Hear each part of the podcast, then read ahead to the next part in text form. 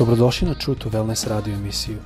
Da saznate više o nama, posjetite naš website truetowellness.com. A sad, vaš domaćin, dr. Todorović.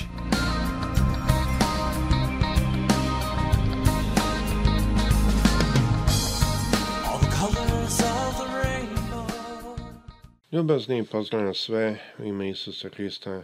Ovo je sada podcast o koji ima naslov On koji je odozgo. Zanimljivo me, čitao sam skoro taj stih i nekako mi upao u oči. Zanimljivo kako ljudi na talasan način mnogo puta gledaju.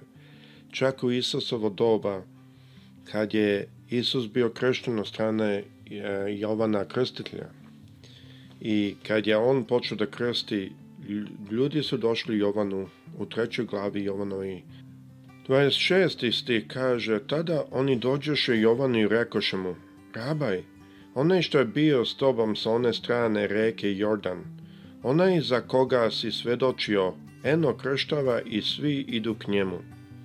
Ovdje su oni svakako njemu govorili o Isusu. I to je onaj za koga je on svedočio. I zanimljivo, bilo je situacije da je već su fariseji ustali protiv Jovana Krstitelja. Kao što znate, Herod isto nije volio čuti ono što je Jovan ima da kaže. A opet sa druge strane, oni su krstili i gospod je dozvoljavao i davao da ljudi dolaze sa krsta. I umesto da gledaju to, oni su našli i počeli gledati ko krsti, ko krsti više. to je tako slično što vidimo danas u crkvama isto. Umesto da se gleda rad Boži, ljudi gledaju ko više radi, ko je duhovni, ko je sveti, ko ima lepšu haljinu, ko ima lepšo delo. Zaista. Neki put mislim da bi deca bolje radila stvari nego što mi radimo. Ali šta je Jovan rekao? U 30. stihu, trećoj glavi u Jovanove, kaže ovako On treba da raste, a ja da se smanjujem. I e sada ovdje možete shvatiti šta je ovde bilo. Jovan Krstitelj je e, došao ispred Hrista da spremi put za Hrista. On je stalno govorio da je Hrist taj koji uzima, koji je sin Boži. On nikad nije uzeo za sebe ništa. Ali on je ovde nešto rekao jako duboko meni, e, barem meni lično što govori. A to je on treba da raste, a ja treba da se smanjim. U našim životima, kako mi hodamo, Jedan cilj što je ovde vrlo jasno Jovan Krstitelj iznaje Isus treba da raste u našim životima, a mi treba da se smanjimo. U našem razmišljanju, u našim akcijama, u kako mi gledamo, kako se mi obnavljamo, kako, šta nas brine, u svim tim stvarima on treba da raste, a mi treba da se smanjimo. U čemu je stvar ovde? Na što se ovde odnosi? Mi, to jest ja, se odnosim na zemaljsko. Na razmišljanje koje se nalazi, nalazi među svima nama. I ovde vidimo da to razmišljanje nije razmišljanje koje Bog želi da mi imamo ta razmišljanje, to jest da kažemo nebesko razmišljanje i zemaljsko razmišljanje se ne mogu mešati. Kaže u 31. stihu, onaj koji dolazi od ozgo nad svima je, a koji je sa zemlje, zemaljski je i zemaljski govori.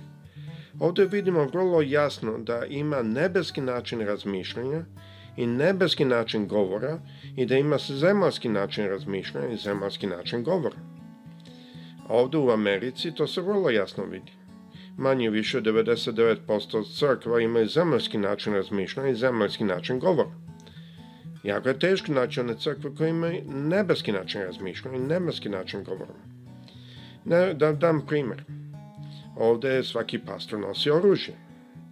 I ovde vi da kažete ljudima protiv oružja, oni će vam reći to je pravo kad meni Bog dao. Ajde mi pokaži to u Bibliji ako može. Ali dobro, da neka, da ne ulazimo puno to. Ima druge takve stvari, politika. Ja zaista verujem da mi ne može neko da stoji u politici i da bude ambasador nebeski u isto vreme e, efikasno. Jedno od ta dva će da popusti. Zašto? Zašto? Jedno je zemaljsko razmišljanje, jedno je nebesko. Onaj koji go dolazi od ozgo, on je na svima. A koji je sa zemlje, on zemaljski razmišlja, zemaljski govori, zemaljski se ponaša. Ovde vidimo jednu vrlo jasnu distinkciju između nebeskog razmišljanja i, i zemaljskog. Ovdje isto vidimo, ta dva se ne mogu mešati. I ako mi smo hrišćani, mi onda moramo i moramo vremenom da adoptiramo nebesko razmišljanje. Naše državljanstvo je gore, ne ovde. Onda se moramo ponašati tako, kao stranci ovde na zemlji, oni koji imaju državljanstvo gore.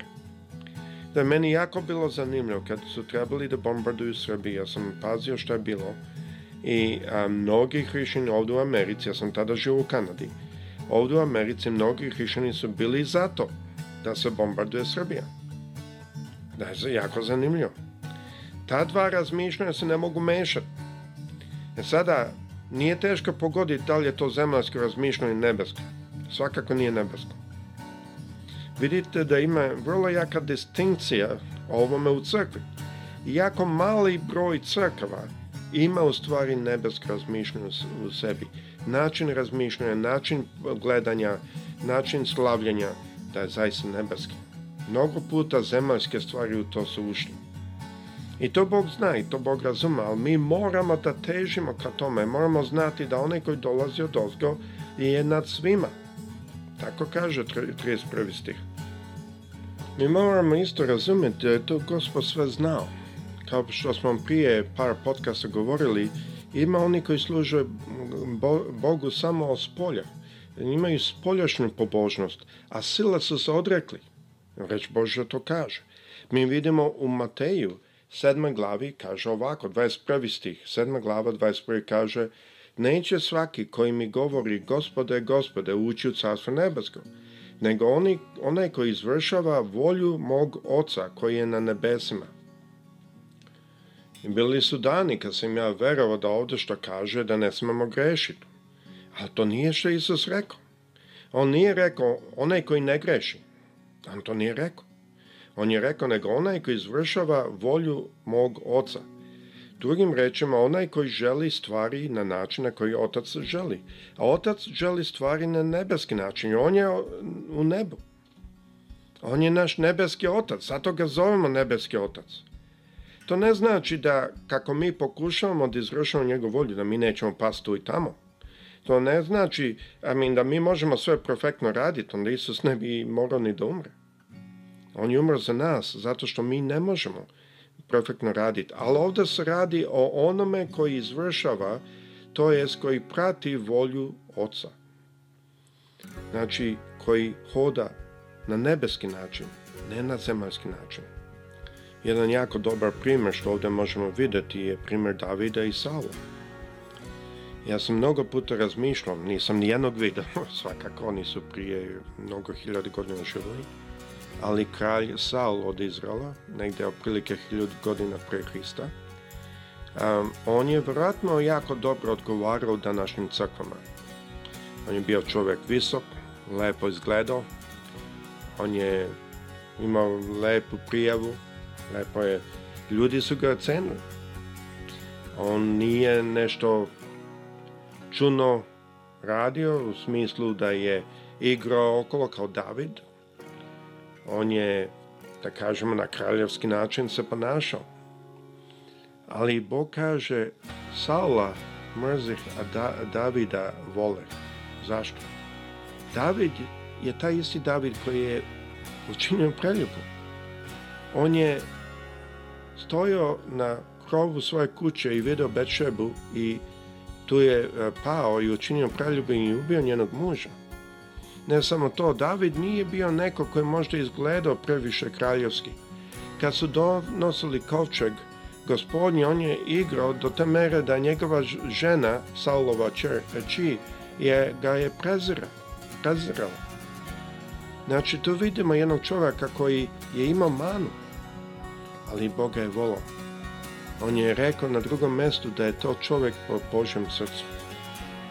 A e sada, zašto? To pokazuje da ne radi se da on nije pogrešio nikad, nego on je video i uspio je da prihvati vrednosti nebeske u svoj život. Ne telesne zemaljske vrednosti, nego nebeske vrednosti. On je shvatio kako treba da živi kako njegov Otac nebeski Sheldon živim, a da je on više puta pogrešio. Znači, iz ovoga što možemo naučiti je da nije u pitanju da mi ne griješimo nikad, nego je u pitanju da uvek smo zauzeti s tim da raspoznajemo šta je volja Božja i da hodamo tome koliko mi imamo snage i mogućnosti. Ovdje još možemo više videti kad čitamo druga poslanica s druga glava, deseti stih, da ovako kaže. Kaže, i sa svakom nepravdom koja zavodi one koji propadaju, jer su odbili da vole istinu i da se tako spasu. Ovde znači mi znamo da Antikrist, ovdje radi se o Antikristu, govori o Antikristu, da će pokušati da prevari i ob, a, izabrane ako je to moguće. I šta je ovde kriterija? Pa ste zapazili ovdje kriteriju. Kriterij je da svakom nepravdom, ovo ovaj, je prvo objašnjenje, svakom nepravdom koja zavode one koji propadaju. Evo sad kriterije. Jer su odbili da vole istinu i da se tako spasu. Znači, ne radi se onima koji nisu išli u crkvu. Ovdje ne kaže nisu išli u crkvu. In fact, ja vam mogu reći da mnogi koji budu prevareni možda su išli u crkvu, možda i redovno. Možda su bili i u upravi crkve. Ali šta je ovde kriterija? Jer su odbili da vole istinu i da se tako spasu. Kriterija nije bilo da daju određenu količinu novca, mada ima ovde pastori koji će vam to reći. Kriterija ovde vidimo, čitamo. Kriterija nije bila kako žive u smislu koliko su dobri hrišćani, sveti, ovo ono. Kriterija je prosto bilo da vole istinu i na taj način da se spase. A šta to znači da vole istinu? Ili da kažemo koja je ta istina? Šta to znači? Evanđelje, evanđelje po Jovanu 14. glava 16. kaže ja sam put, istina i život. Ovo Isus govori. Znači da kažemo opet, da čitamo opet. 6. 16. kaže ja sam put, istina i život. Odgovor Isus. Nitko ne dolazi ko ocu osim kroz mene. To se potpuno slaže sa što smo upravo pročitali, zar ne? Oni su odbili da prihvate istinu da bi se tako spasili i zato je Antikrist imao pravo na njih. Moramo shvatiti da nije samo dovoljno da idemo u crkvu i da hodamo u crkvu.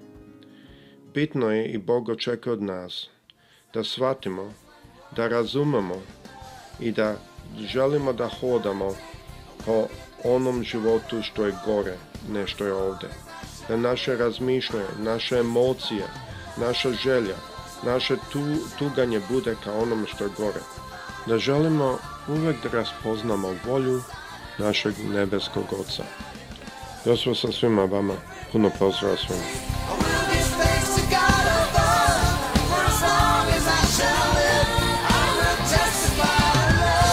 Slušate True to Wellness radio emisiju.